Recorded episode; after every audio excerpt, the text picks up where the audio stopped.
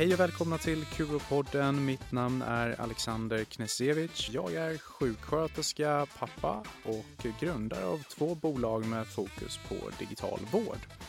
I Kuropodden vill vi ge dig som lyssnar en unik inblick i vården.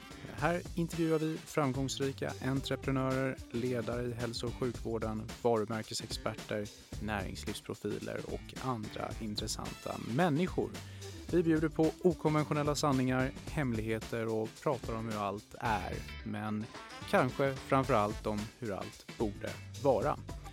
Curopodden är en podd som drivs av Curoflow. Curoflow levererar säkra och användarvänliga molntjänster till framför allt vårdsektorn.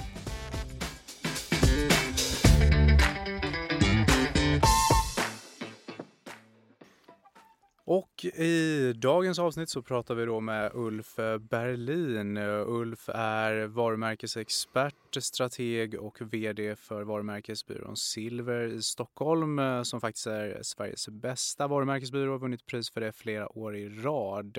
Vi kommer under dagens avsnitt att få lyssna på Ulf berätta om patientperspektivet. Eh, vi ska också prata om vården utifrån ett varumärkesperspektiv och vi är superglada att Ulf är med oss i podden idag. Varmt välkommen till Kuropodden Ulf. Tack så mycket. Jättekul att vara här. Och ja, om vi slänger oss in i det. Vem är Ulf Berlin och eh, vad gör du om dagarna? Ja, jag är faktiskt inte vd på Silver just nu utan det är min medgrundare André Hindersson. Men jag är chefstrateg och en av grundarna till varumärkesbyrån Silver. Och det jag jobbar med om dagarna det är ju att ta fram varumärkesstrategier som ska driva de här bolagen. Och en varumärkesstrategi är ju inte bara någonting som driver kommunikation och design utan det driver ju hela upplevelsen av varumärket i alla de fyra Pna. Så att det är väldigt gränsande till affärsstrategi och det brukar landa i någonting som vi kallar för en brand value creation model som sen driver eh, företagets affärsutveckling framåt. Och även naturligtvis kundupplevelsen, för det är det varumärket handlar om, kundupplevelsen. Mm. Och de fyra bena? Vill du... Pena. Pena. Pena, ja, det är promotion, price, production och placement. Så det handlar ju om de fyra P'na i så gammal klassisk eh, marknadsföringslingo. Men hur, alltså, hur ser våra produkter ut? Vad ska vi ta för pris för dem? I vilka kanaler ska vi gå och distribuera dem? Och hur ser vår marknadsföring och design ut? Så att, så att en position bygger på alla fyra pena, inte bara på hur man ser ut och vad man säger utan naturligtvis var man finns tillgänglig, vilka typer av affärer, finns man digitalt eller finns man bara fysiskt eller både och? Vad ligger man i pris och vad har man för sortiment? Allt det påverkar ju upplevelsen. Och du har ju hållit på och jobbat med det här ett tag. Är det så att du alltid jobbat med varumärkesstrategi? Har du jobbat med annat tidigare? Ja, jag har jobbat som filmöversättare i många år när mina barn var små och sen så gick jag på Grafiska institutet som var en managementskola men som innehöll teknik, eh, ungefär som man läser tryckteknik på KTH. Men det innehöll också ekonomi och management. Vi läste nationalekonomi och sen så innehöll det kreativitet i form av design. Och skolan låg på Konstfack. Så jag fick ju alla tre bitarna i mig och det var ju helt unikt. Den skolan ser annorlunda ut idag men, men för mig var det perfekt. Passade mig. Det tilltalade alla delarna. Och sen när jag, ju mer jag har jobbat. Jag började som designer och var designchef på en, en tidningsdesignsbyrå faktiskt innan jag startade Silver. Och då jobbade jag mycket som designer men sen har vi renodlat rollerna Så min roll är att göra affärsutveckling och varumärkesstrategi på Silver idag. Så att, men jag gör design fortfarande till kompisar och skivomslag till mitt band och så, men inte inom Silvers väggar. Och så spelar du instrument också? Ja, jag spelar mycket musik. Gitarr och jag lär mig nya stränginstrument, banjo och mandolin. Och nu håller jag på med piano, vilket nog är det svåraste jag gjort. Mm. Mm. Men det är kul. Spännande. Och om vi ger oss in i varumärkesfrågan direkt då. Det är ju någonting som du kan och har jobbat med länge. Och hur upplever du generellt sett, om vi bortser från vården, är det någonting som har blivit viktigare för företag idag än vad det var för tio år sedan? Eller hur ser utvecklingen ja, ut? Alltså, purpose har ju nästan blivit ett femte P, kan man säga. Alltså vad, vad bidrar man till samhället på något sätt som är positivt? Och det behöver inte bara vara det här som handlar om miljö och corporate social responsibility utan det handlar om att man måste ha ett positivt, positivt bidrag till omvärlden som är större än produkterna. Som, som man, man tillför ett mervärde som människor, som är positivt för människor. Och har man inte det blir man väldigt, väldigt sårbar. Är man bara sin produkt så kan man ju slås ut på nolltid. För produkter är ju så snabba att kopiera och så har det ju varit länge. Men nu handlar det kanske mer än, än att bara differ ha differentierade produkter och tjänster utan också ha ett mycket tydligt syfte. Och du får inte människor att jobba för dig om du inte har ett syfte. Alltså det är det här med bygga hus eller sätta tegel. Liksom. Va, va, ja. Så det har ju verkligen, verkligen förändrats. Så, så att allt, allt, toppen på varumärkesstrategin är alltid att hitta det här syftet. Och det, och det tydligaste exempel som tar upp är ju Think Different för Apple. Så att utifrån att det angreppssättet går från datorer till, eh, eh, vad heter de här podd... iPods. iPodsen, ja. till streamingtjänster. Ja, ni, ni, ser ju deras utveckling och hela tiden bara revolutionera, förändra. Och sen så har ju de sitt, sitt uh, how som vi kallar dem. Simon Sinek är ju en, en känd kanske den kändaste just nu och hans modeller jobbar många efter och även vi. Att det måste finnas ett why, ett purpose. Det måste finnas ett how, alltså sättet vi åstadkommer vårt purpose som är differentierande. Och sen i botten måste det alltid finnas vad är det vi tjänar pengar på. Och det, det man vet och vad som har förändrats är att det vi tjänar pengar på har ju aldrig ändrats så fort. Och det kan man ju se både i din bransch som är health tech eh, och man kan se det, ja, titta på Apple. Liksom, vad, liksom, vad de gjorde i början och vad de gör nu liksom, så att säga. Men, men det är Apples how då, för att göra det tydligt, det är ju liksom användarvänlig design är ju deras och design i framkant. Det är de två benen som har liksom burit dem och särskilt dem som de har liksom alltid tagit sitt why in. När de går, om de går in och gör en streamingtjänst, ja men då är ju det den, den mest användarvänliga, den coolaste och snyggaste streamingtjänsten. Gör de en musikspelare som iPod, då är det den snyggaste och coolaste också och mest användarvänliga. Alltså du, bör, du har aldrig behövt läsa en bruksanvisning till någon Apple-produkt någonsin. Och ändå finns det produkter eller företag som, som 20 år efteråt på allvar, efter Apples inträde, på allvar gör produkter som man inte kan använda utan att läsa en bruksanvisning. Det är ju så helt ofattbart. En, en, en, sak som jag har tänkt på om jag skulle skriva en, en roman. Tänk dig vara en, en kille som sitter och lever på att skriva och designa bruksanvisningar som ingen läser längre. Och, och du tänker på hur mycket sånt som produceras. Det är en rätt rolig tanke. Ja, ja onekligen. Ja. Verkligen. Um, ja, och om vi pratar utifrån ett vårdperspektiv då. Vården har ju sitt why redan på plats förhoppningsvis. Mm. Och sen how. Och sen så ska man ju tjäna pengar. Men tjäna pengar är ju ingenting vi gärna pratar om i vården. Att man på vård på något sätt ska tjäna pengar. Kan man tjäna medborgare eller annat? Ja, det, det är ju ett resultat som ska åstadkommas som, som handlar ju om, om hälsosammare och längre liv kanske. Det är väldigt, väldigt svårt vad man skulle göra.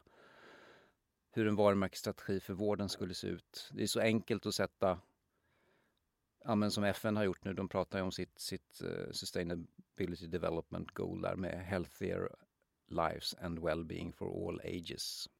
Ja, och, och sen är det här, vad är ett hälsosamt liv? Är det att leva länge eller är det att må bra tills man stupar? Eller, alltså, jag har den här bilden själv efter sjukdomar och saker som händer i familjen och så. Att den här bilden som vi har att, att ett, ett bra liv, det är att leva tills man blir 85-95 år och sen ska man dö knall och fall utan någon, någon, någon, någon smärta eller, eller att man ens vet om det.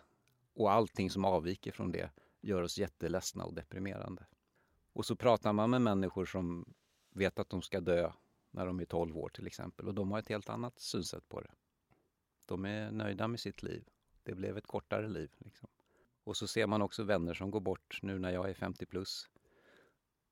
Och, och det är inte så många som är bittra utav dem heller. Men jag, jag, jag är lite filosofisk här, men, men det är just därför jag tänker så här, det är så lätt att för sjukvården sätta liksom, vi ska rädda så många liv som möjligt, alla ska vara så friska som möjligt. Men jag är inte säker på att det är det som är liksom deras purpose, deras think different. Jag tror att det kan vara någonting annat. Det, då är vi inne på sådana filosofiska diskussioner så då, då, då måste vi tänka till lite innan vi kan ta det i radion. Så vi, vi kan inte sätta en varumärkesstrategi för Sveriges vård? Nej. Nu, här Nej, det kan vi inte göra. Om vi då vill, vill ha den här uh, purpose-dimensionen. Alltså tänk så här, om vård inte är att rädda liv på sjukhus, vad är det då? Palliativ vård, vård i livets slutskede, lindrande vård, förebyggande vård kanske innan mm. man blir sjuk. Ja. Men handlar det om, om livskvalitet eller handlar det om lycka eller, eller handlar det om rädslan för att dö? Vad, vad är det vi håller på med när vi gör allt det här? Ja, det är ju en livsfilosofisk... Mm, jag säger det. ja, eh, men om, om, man tittar på hälso och sjukvårdslagen som någonstans i Sverige ja. får, får anses eh, vara en grund till eh, vad vården ska stå för och erbjuda och på vilka villkor och så vidare. Mm. Och där, där pratar man om att vården ska vara av god kvalitet och god standard och tillgodose patienters behov av trygghet, kontinuitet, säkerhet, vara tillgänglig, bygga på respekt för patienternas självbestämmande och integritet, främja goda kontakter mellan hälso och sjukvårdspersonal och patient. Är det, är det det här du förknippar med svensk vård när du hör de här sakerna? Ja, till stor del. Mycket så. Eh, men det här är ju mer en code of conduct så att säga som, som efterlevs mer eller mindre bra och eh, ja, men som vi pratade lite innan sändningen här, alltså att vården har ju aldrig varit utsatt för så hårt tryck i form av både demografiska förändringar med en äldre befolkning, fler och fler som har kroniska sjukdomar och en enorm press på skattesystemet för att det är pensioner som ska betalas till de här och det blir mindre och mindre pengar egentligen till, till sådana här saker. Så, så, att det gör ju att de här sakerna då inte kanske efterlevs i alla fall. Och sen är jag också väldigt bekymrad över en, en kultur som finns i näringsliv och i offentliga organisationen där man, där man styrs av saker eh, som faktiskt, man, man, kan tolka saker väldigt olika vad det gäller att bevilja bidrag eller hu, hur man slussar patienter vidare. Men, men, men det finns en rädsla att göra fel så man blir paragrafryttare på ett negativt sätt och, och människor frångår sig sin rätt att eh, eh, ta ett eget moraliskt ansvar för att de är så rädda för någonting annat. Och där ser man ju då hur Försäkringskassan behandlar människor till exempel. Eh, så jag har varit inne i några saker med familjen och det, de behöver inte göra så, de här handläggarna, men de gör så. Och jag tror att det är rädslan för ett skriftligt direktiv, att, att man skulle kunna ställas till svars för det. Men samtidigt, de kommer inte hamna i fängelse, de kommer inte bli torterade, de kommer inte bli av med jobbet. Så det är inte så mycket att vara rädd för egentligen. Ändå så väljer nio av tio den här vägen ut, även om man innebär att man inte följer till Guds tio budord. Att, att, vad man ska göra mot sina nära och kära helt enkelt. Så det, det är ju, det där tycker jag är ett, ett jättestort problem. Eh, kanske vården, men försäkringsbolag, Försäkringskassan, allting runt omkring den. Men det, men det du just läste upp, jag är ju så rädd för att, att allt det som vi säger och vi ska göra, att vårt how för sjukvården, att det styrs, styrs snarare av ett purpose, av ett purpose som handlar om rädslan för att dö snarare än någonting positivt. Och ett purpose måste alltid vara någonting positivt. Att låta liksom en hel sjukvård organiseras utifrån människors rädsla för att dö, det är så det faktiskt känns, är inte konstruktivt och utvecklande. Vi måste hitta något annat purpose för svensk sjukvård. Och då, då skulle, skulle ett sånt purpose vara att du ska leva så länge du lever och du ska leva bra och du ska leva friskt och du ska ha avsaknad av sjukdom men inte nödvändigtvis då rädsla för att dö. Ja, men jag vet inte, jag lever ju med cancer i kroppen liksom. Och, och vad, leva med avsaknad av sjukdom? Nej, men det är vi jättemånga som lever med sjukdom i kroppen. Så, så jag menar, det, det, måste vara högre upp än så. Och han, handla på något sätt om... Alltså, människor har ju så olika sätt vad som är ett bra liv för varje individ. Det skiljer sig jättemycket åt. Så det måste man ju också ta i utgångspunkt. Men det är enkelt att säga att, att ett friskt liv är ju ett jättebra purpose såklart. Och när man har varit sjuk som både du och jag har varit så, så gud vad man uppskattar ett friskt liv naturligtvis. Och Ulf, du har ju jobbat en del med eh, bolag som är verksamma i sjukvårdsbranschen. Mm. Några stycken åtminstone som jag vet om. Eh, och vad skulle du säga är det viktigaste för bolag eller för den delen offentlig verksamhet som jobbar med sjukvård? Hur, hur, hur ska man positionera sig och mot vem är det man positionerar sig? Ja, man ska inte tänka för mycket på, på vad och vem. Man ska ju försöka hitta det inom en själv. Och det är svårt att säga till ett företag. Som stor, det, är, det är lätt att säga till dig som entreprenör. Vi har haft en väldigt bra process kring varumärkesstrategi. För, för du har ju varit bolaget. Men när man kommer in till ett bolag som har en toppmanagement, en koncernledning, de har ett managementteam, en ledningsgrupp och de har 2-3 tusen anställda. Liksom, att ni ska hitta ert, ert inre kall och drivkraft. Den är ju inte så enkelt som det är att jobba med en entreprenör.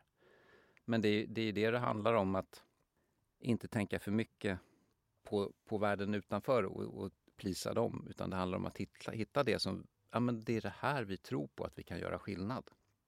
Så det är det här som är kärnan i vårt företag. Det är det här vi vill bidra med. Och, och, och fånga, fånga upp det oavsett om man är ett litet entreprenöriellt bolag eller ett stort uh, läkemedelsbolag och utifrån det sen jobba sig neråt vad det betyder i den dagliga verksamheten och för affärsmodellen. Men om, om vi tar då, eh, så, som ni vet, ni som lyssnar på, på Curopodden, så, så drivs ju Curopodden av Curoflow som är ett företag som eh, levererar säkra och användarvänliga molntjänster då till framförallt eh, vårdsektorn. Och om vi tittar på oss då så är bolaget eh, mer eller mindre grundat av vårdpersonal och sen har vi förenat det med teknisk kompetens och tagit fram lösningar då som ska passa i vårdsektorn. Och även om vi då tycker att vi, vi drivs av rätt saker, vi vill bidra med rätt saker, vi vill mm. hjälpa. Spelar det så stor roll när det kommer till att en, en kund ska välja, välja Curoflows lösning eller de ska välja en lösning som ett företag som är startat av riskkapitalister eller eh, ingenjörer eller ekonomer jämfört med den värdegrunden som vi kommer ifrån? Kommer det spela roll och i så fall i vilket skede börjar det spela roll för oss? Om man bygger in det i sin organisation, de här värderingarna och låter det driva och spegla organisationen så är man en vinnare i det långa loppet. På vilket plan? Eh, det kan bli på ett ekonomiskt plan.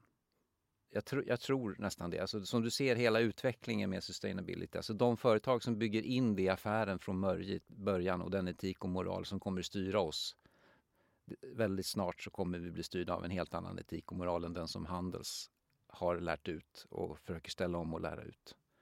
De blir ju vinnarna. Och om du inte kanske blir det bolag som tjänar allra mest pengar i din bransch så kommer du ändå, om du har bra produkter, tjäna tillräckligt med pengar för att vara nöjd. Men framförallt så kommer på ditt personliga konto vara en jättestor vinst att ha gått igenom det här. Och du kommer ju, om du gör ditt jobb bra som företagare och levererar bra produkter och tjänster så kommer det även ekonomiskt inte gå lottlöst. Men vi är ju inne i ett skifte.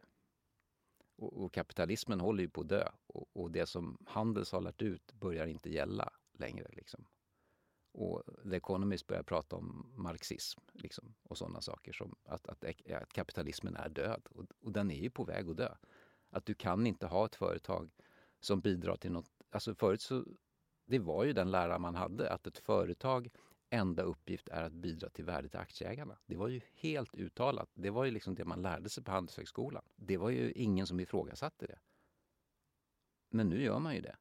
Det har inte ändrats så himla mycket, men det håller ju på. Och jag tror att det kommer komma lagar och regler så att det går inte att driva ett företag utifrån att det enda syftet är att generera pengar till aktieägarna. Det kommer ändras. Och då blir sådana företag som redan drivs utifrån den, den aspekten och har de bitarna på plats, de kommer bli vinnarna. Men det, det är ju stora krafter som kämpar emot det här och, och smutskastar och misstänkliggör det här synsättet. För att det är stora värden som står på spel. Eh, så det kan ta lång tid. Jag menar, att, att vi fortfarande har bilar som drivs på olja, det beror ju bara på att det finns så starka krafter som tjänar pengar på olja. Så sådana här förändringar tar ju lång tid. Det kan gå på 10 år, det kan dröja 40 år. Mm. Mm. Ja, intressant Ulf. Eh, och som du nämnde lite i förbifarten här tidigare när vi pratade om eh, liv och hälsa och vad innebär det egentligen att vara frisk? Och du har ju haft en resa i vården ja. privat som patient. Ja. Vill du berätta lite? Ja, när jag fick en, en tumör på magen som skulle opereras bort och det enda som gick och, och det var inte en sån här aggressiv, jag sa ordet cancer förut, jag ser inte som en cancerpatient men jag har ju liksom tumörceller kvar i blodet så det gick inte bort tack vare den här operationen så att jag äter en medicin jättetur som slår ut de här så att, så att jag lever ju som jag är frisk. Men jag var tvungen att operera bort magen därför att den här satt eh, nära magmunnen. Och eh, ja, men då var jag ju mycket på vården och sen så speciellt så var det två år efter det här då, då inte jag kunde äta för att det, det, var en sak som inte funkade. Det visade sig vara lite stopp på en tarm som var jättelätt att åtgärda men det var ju två år då jag fick leva på dropp faktiskt. Så det var ju mycket vårdkontakter. Och, och eh, så att jättepositiv. Allt, alla de här sakerna du räknade upp som, som var någon slags code of conduct, liksom, de upplevde ju jag. Eh, och sen upplevde jag också andra saker när det inte funkade, eh, när det var jättetufft. Det var till exempel väldigt svårt att efter en operation, när det inte funkade, vem skulle ta ansvar och hjälpa mig? Liksom det, det, det föll mellan stolarna hela tiden och jag som patient fick driva på och driva på. Eh, och det var ju tack vare en, en Facebookgrupp som jag hittade läkaren som sen hittade läkaren som löste det hela. En, en rekommendation på en Facebookgrupp. Så att helt fantastiskt med sociala medier. Så jag, jag pratar inte skit om sociala medier, givet den upplevelsen. Mm, jag förstår. Mm. Och som det låter så är du övervägande positiv då av din upplevelse som patient. Sen fanns det vissa mm. saker som du hade velat mm. fungerade bättre. Att någon tog tag i, i dig i den situationen och att du slapp driva då en, en del av de här eh, processerna? Ja, men när du har en, en, läkare som har gjort en diagnos och sen har du en kirurg som opererar och sen har du en, en sån här äh, medicinsk läkare som ger dig efterbehandlingen. Och ingen vet vad det är som är fel. Är det medicinen? Är det, är det kirurgin som gick snett? Och då är ingen av dem tar ansvaret. Det finns ingen liksom som har helhetsgreppet. Så, så där är ju en brist. Sen, sen, har jag hört att de försöker bygga upp vårdkedjorna utifrån just ett patientansvar oavsett vilken del i vårdkedjan han är i. Jag vet inte hur långt det har kommit men, men det var ju någonting som jag hörde som var principerna kring nya KS till exempel. Att det var så man tänkte. I don't know.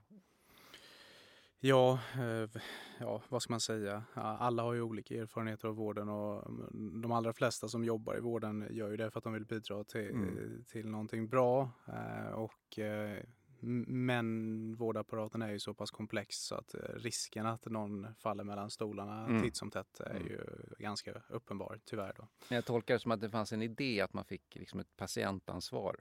Och så, så, om patienten kastas runt mellan olika avdelningar fanns det en som hade ett helhetsansvar. Jag vet inte, men jag har inte upplevt det så. Det, det låter som en, som en eh, jättebra idé. Mm. Det, eh, men du har inte hört något? Nej, nej tyvärr. Nej, nej. Jag kanske fantiserade ihop det bara utifrån något jag hörde och tolkade det positivt. jag vet inte. Ja, och de här två åren då Ulf, eh, ja. jämförelsevis med nu, var befinner du dig som person då? Att jämföra dig då och dig nu och hur du mådde och hur du mår? Nej, men man blir förvånad hur, hur eh, man anpassar sig. Jag förstår ju människor som verkligen har svåra kroniska sjukdomar, hur man ändå kan ha ett väldigt bra liv. Och eh, jag fick ju vänja mig av med att inte kunna äta. Eh, och det kan ju liksom, mat är en av de roligaste sakerna jag vet. Men jag hittade ändå glädje i livet och, och var positiv och kunde jobba. Och jätte, jag menar ASIH kom hem och hjälpte mig och, och, jag hade lösningar så jag kunde liksom gå ut och promenera samtidigt som jag fick mat på dropp. Och, du vet, så här, det var, ja. Helt otroligt fantastiskt ja. men eh, kanske någonting som du gärna är utan resten av ditt liv? Då. Ja, precis. Alltså, bara en, en liten så här uh, intressant notering då att inte kunna äta. Vad är det man längtar mest efter? Och när jag kunde äta, liksom, vad, vad var det man den bästa upplevelsen, det var att dricka ett kallt glas vatten. Det var det man har saknat mest. Det är så intressant vad, vad, vad som är basic. Och det är fortfarande det som är mest värt för mig, att kunna dricka ett kallt glas vatten. ja. Inte den här oxfilén och rödvinet och det liksom, utan det är... Ett kallt glas vatten. Ja, och hur, hur egentligen hur, hur um, små behov man har för att liksom vara tillfreds med livet. Vi, vi har ju så tillgång till enormt många saker och eh, både vad det gäller inte bara mat utan även liksom i livsstil och vad man kan göra. Men egentligen vad, det är som, vad lite det är som behövs för att man ska må bra. Det, det är intressant. Men det jag tänkte på med, med, med sjukhusen som, som eh, om man pratar om kundupplevelse där och det, man ska ju inte säga att en patient är en kund, men det är ändå en patientupplevelse. Man möter ju så många fantastiska människor Och de, de sakerna som jag har reagerat ur kundupplevelseperspektiv och om man tänker också att det är liksom eh, det är ju en tjänst som levereras. Det är ju hur, hur, hur läkarna eh, beter sig och agerar och hur dåligt uppstyrda de är och hur det tillåts och hur det liksom sinkar allting som kommer efter dem.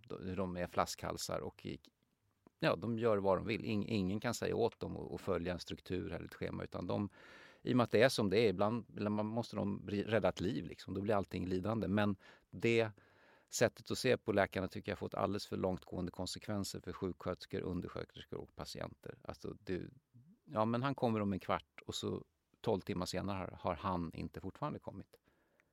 Och, och, och, ingen vet var han är, för oftast en han. Och, och det är inte okej, okay, så att säga. Eh, men, men, men, alla förstår ju att, att man kan inte bete sig som, som på McDonalds eller någonting sånt när man är läkare och levererar en hamburgare inom två minuter. Utan ibland måste man prioritera att rädda ett liv och det, saker. Men totala bristen på uppstyrning, och information och struktur kring läkarna är ju slående tycker jag. Och det drabbar då sjuksköterskor som hamnar i jättesvåra situationer där de inte får agera för att det krävs en läkare. Och hela allting försinkas, försenas och sinkas och det ibland blir det lidande onödigt. Och, och sen så en annan sak som jag reflekterade var ju undersköterskorna som, som i många fall när det är sån omsättning på personal kan vara liksom navet och ankaret på en avdelning och man ser vad de tjänar och deras karriärsmöjligheter. Det är helt orimligt. Det borde finnas roller för den typen av som är mer seniora och där det finns en högre lön. Eh, mm. faktiskt. Mm. Och det du berättar om nu, det är dina upplevelser från när du har varit på sjukhus? Ja, när jag legat inne längre tider, precis. Ja. precis. Men jag har för övrigt trivts väldigt bra på sjukhus. Många tycker det är det hemskaste som finns, men jag, jag har faktiskt varit riktigt mysigt att ligga på sjukhus. Vad tycker du om maten? Ja, men det går att leva med det med liksom som sagt. Men jag åt ju inte så mycket. Nej. Nej. ja, och digitalisering i sjukvård då? Är det någonting vi behöver? Eller ska vi jobba analogt framöver? Ja, men det är ju en enorm positiv kraft i digitalisering eh, inom alla områden. Och kanske till exempel det här vi pratade om med, med svårigheten att styra upp läkare och, och få läkare att vara liksom, det digitala måste erbjuda enorma möjligheter där. Och sen det enda med, med, med det digitala är att, att man, man får inte bygga upp ett digitalt system som, som ja men vi kommer ju bli utsatta för kupper och attentat då får ju inte verksamheten sluta fungera. Det måste hela tiden finnas en, en IRL fallback, tänker jag, inom sjukvården. Så att man får, det finns ju en gräns för hur man kan digitalisera det.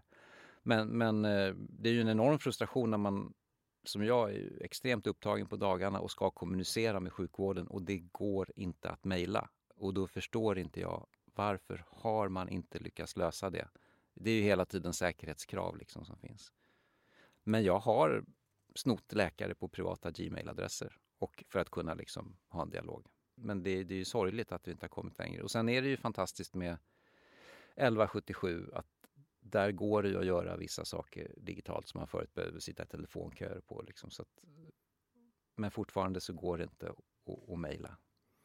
Men om vårdgivaren i fråga hade en, en, eh, plattform som möjliggjorde kommunikation på distans ja, ja. via chatt eller video eller formulär som skickas in ja. Eh, och så vidare. Skulle det vara... Ersätta mejlet? Ja, ersätta mejlet.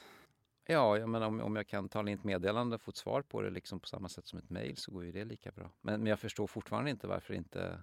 Ja, meddel, en meddelandeservice på något sätt. Så funkar det ju på 1177. Jag kan ju fråga min avdelning om någonting och de kan skicka tillbaka ett svar det räcker ju så. Det behöver inte vara mail-mail.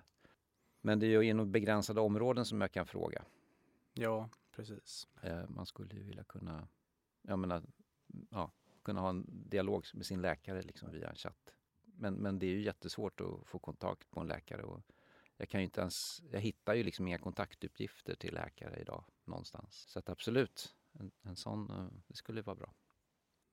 Och framöver Ulf, hur ser det ut för dig? Eh, vad gör du om dagarna förutom att jobba? Vad tänker du att du är om tio år? Nej, men jag tycker det är väldigt roligt och, eh, och i takt med sin senioritet och all erfarenhet man får så ser man ju saker och man hittar samband och man kan analysera väldigt fort. Och det är kul att sitta och ha sådana här diskussioner så att jag ser ju framför mig ett liv mer så. Och eh, kunna använda det till, till någonting positivt förhoppningsvis. Och, och driva förändring inom ett antal områden. Jag vet inte vilka. Men nu har det ju varit jättekul att, att jag bland annat tack vare er får vara inne i, i healthcare och hela den biten. Och fått bidra där. Och jag har fått lära mig jättemycket. Jag har fått sitta i, i dina styrelser och eh, ja, förstå hur, hur Sveriges, svensk sjukvård funkar. Och sen har jag fått lära mig andra uppdrag att det ser extremt olika ut i alla länder i hela världen. Det är så olika uppbyggt och så olika digital mognad. Alltså. Men, men det är ett komplext problem och jag förstår att man har landat i olika sätt att, att lösa det på. Och eh, det är helt tydligt att inget är optimalt. Såklart. Såklart. Jag brukar, jag brukar säga att eh, sjukvården befinner sig någonstans där bankerna var i början på 2000-talet. Att, eh, då kunde du utan vidare välja en bank utan en tillgång till internetbanken. Men eh, idag vet jag inte om det finns så många svenskar som skulle välja en bank utan tillgång till eh, internetbanken. Då. Och där någonstans i den transformationsresan är vården att eh, idag går det jättebra att välja en vårdgivare där du inte har digitala kontaktmedel för att eh, chatta, använda video, automatisera flera olika flöden och processer.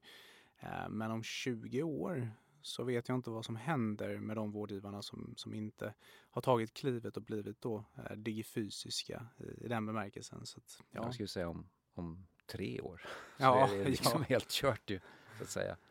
Ja, Nej, men det, ja. det, det, är väl eh, tro, troligtvis bara en tidsfråga och sen så ska det göras på ett klokt sätt mm. såklart. Nej, men jag tror att, att det är många stora jätteduktiga digitala aktörer nu, men eh, jag tror den stora kraften ligger i liksom att ta det fysiska och göra dem digitala. För det är fortfarande så, så många av oss som har haft så... Eh, ja, men den, den digitala erbjudandet som finns idag liksom kontra det, det, det, fysiska som finns, det är så stor skillnad i kvalitet.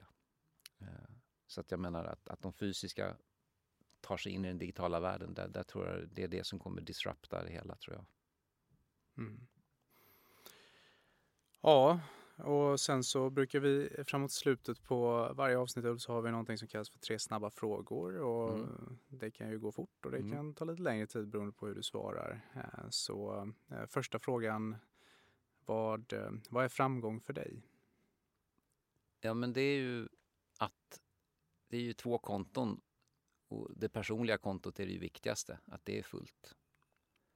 Och sen så tycker jag det ekonomiska kontot, det handlar ju om att man ska mm, ja, givet som hur samhället ser ut och vad som värdesätts så ska man ha eh, den ersättning för det värde man skapar. För annars mår man inte bra. Men hela tiden så är ju måttet på framgång är ju vad som finns på det personliga kontot. Och vad ser du fram emot? Ja, men jag, jag ser fram emot just sådana här diskussioner och ett liv som, som mer och mer fylls av det. Och att, att uh, man kan använda sin erfarenhet för att skapa värde, rätt stora värden faktiskt. Genom att, att driva förändringar och väcka tankar. Nej, men sen är det ju på personkontot så är ju, ju mer musik jag spelar desto gladare blir jag. Så det är ju också en viktig del i det hela mm. som jag tror är bra. Och slutligen om du eh, fick gå tillbaka i ditt liv och ändra en sak. Finns det någonting du skulle vilja ändra då? Nej, för det, det som har hänt även om Ja, det, det är ju en, en sak som jag kunde nog ha klarat mig utan. Men, men på det stora hela så, så har ju det som hänt format mig och, och bidragit till min, min lycka. Jättekul att du mm. ville komma hit och prata med oss idag Ulf. Stort eh, tack för det så mm. ses vi och hörs på annat håll. Det gör vi. Kul att vara här. Tack. Tack.